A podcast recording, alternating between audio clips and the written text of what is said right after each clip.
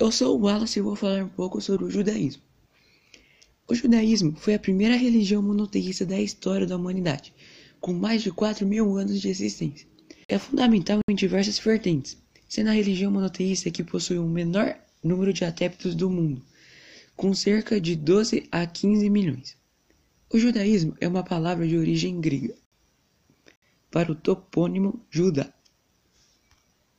Origem Segundo a tradição judaica, Deus teria realizado um pacto com os hebreus, tornando-os o povo eleito que irá desfrutar da terra prometida. Esse pacto se deu com Abraão e a sua descendência e se fortaleceu com as revelações das leis divinas a Moisés, no Monte Sinai. Portanto, o judeu é indiretamente um membro da tribo de Judá, um dos doze filhos de Jacó e patriarca fundador de uma das doze tribos de Israel. De igual modo, a religião judaica é basicamente de caráter familiar.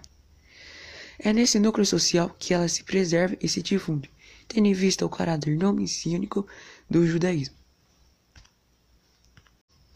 Dados do judaísmo: O judaísmo conta com o menor número de adeptos. Segundo uma pesquisa anual divulgada pelo Instituto de Política do Povo Judeu, existem atualmente 14,2 milhões de judeus pelo mundo. A maioria está em Israel e Estados Unidos, mas é impossível encontrar comunidades em outras partes do mundo. A França, por exemplo, tem a maior comunidade na Europa. Várias tradições e vertentes do judaísmo surgiram com o passar dos anos. Cada uma das ramificações criaram suas próprias interpretações e tradições.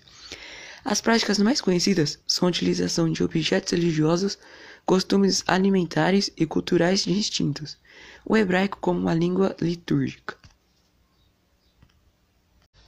Identidade judaica. Bom, o que é ser um judeu? Um judeu é aquele que nasceu do ventre de uma mãe judia. Isso foi a partir de um período na história em que houve muito estupro de mulheres judias e se tornava impossível determinar quem era o pai. Também pode ser quando a pessoa se identifica ou é identificada pela comunidade, pertencendo a ela. Pode até não seguir, até mesmo não ser um religioso, mas por ter um legado cultural histórico, ele é a pessoa é considerada um judeu. Crenças. Os judeus acreditam que Javé ou Jeová em português seja o criador do universo, um ser onipresente, onipotente e onisciente, que influencia todo o universo e tem uma relação especial com seu povo. O livro sagrado dos judeus é o Torá, ou Pentateuco, revelado diretamente por Deus. Fazem parte da Torá Gênesis, Êxodo, Levítico, Números e o Deuteronômio. O Talmud é o livro que reúne muitas tradições orais e é dividido em quatro livros: Mishnah, Tarquin, Mitrashim e, e os comentários. A Torá é o livro sagrado e nele constam os três pilares da fé, descritas em palavras hebraicas como Teshuvah, que são arrependimentos e retorno às origens quando são cometidos erros pelos adeptos, Tefilá, que é a prece e ligação com Deus, e Tzedakah, que é a caridade com sentido de justiça. Os principais rituais do judaísmo são circuncisão, realizada em meninos com oito dias de vida, representando a marca de aliança entre Deus e Abraão e seus descendentes. Bar mitzvah, que é quando os meninos realizam 13 anos de idade, e Bat mitzvah, quando as meninas fazem 12 anos de idade, Ambos leem pela primeira vez a Torá. Isso vai representar o início da vida adulta.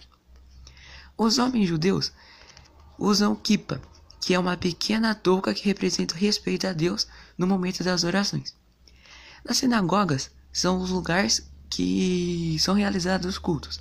Existe uma arca, que representa a ligação entre Deus e o povo judeu. Nesta arca são guardados os pergaminos sagrados da Torá.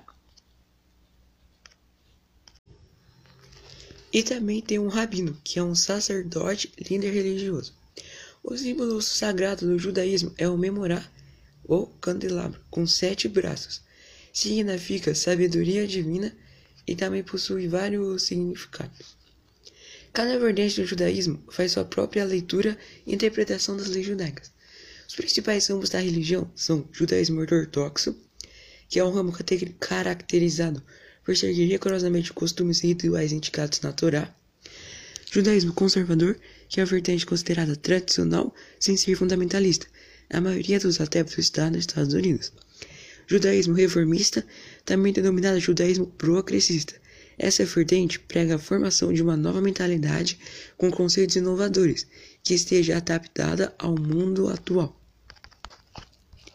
O judaísmo reconstrucionista, que é o ramo mais liberal e que prega a autonomia individual, atitude positiva perante a modernidade, a aceitação das críticas acadêmicas. E o judaísmo humanista, que é uma alternativa não teísta para os descendentes judeus, define o judaísmo como uma experiência cultural e histórica, na qual o integrante poderá se identificar e seguir caso ache necessário.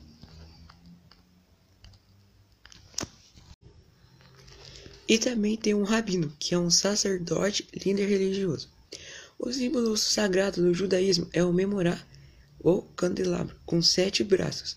Significa sabedoria divina e também possui vários significados. Cada vertente do judaísmo faz sua própria leitura e interpretação das leis judaicas. Os principais ramos da religião são judaísmo ortodoxo, que é um ramo caracterizado por seguir rigorosamente costumes e rituais indicados na Torá, judaísmo conservador, que a vertente considerada tradicional sem ser fundamentalista. A maioria dos adeptos está nos Estados Unidos. Judaísmo reformista, também denominado judaísmo progressista, essa vertente prega a formação de uma nova mentalidade com conceitos inovadores, que esteja adaptada ao mundo atual. O judaísmo reconstrucionista, que é o ramo mais liberal e que prega a autonomia individual, atitude positiva perante a modernidade, a aceitação das críticas acadêmicas. E o judaísmo humanista, que é uma alternativa não teísta para os descendentes judeus, define o judaísmo como uma experiência cultural e histórica, na qual o integrante poderá se identificar e seguir caso ache necessário.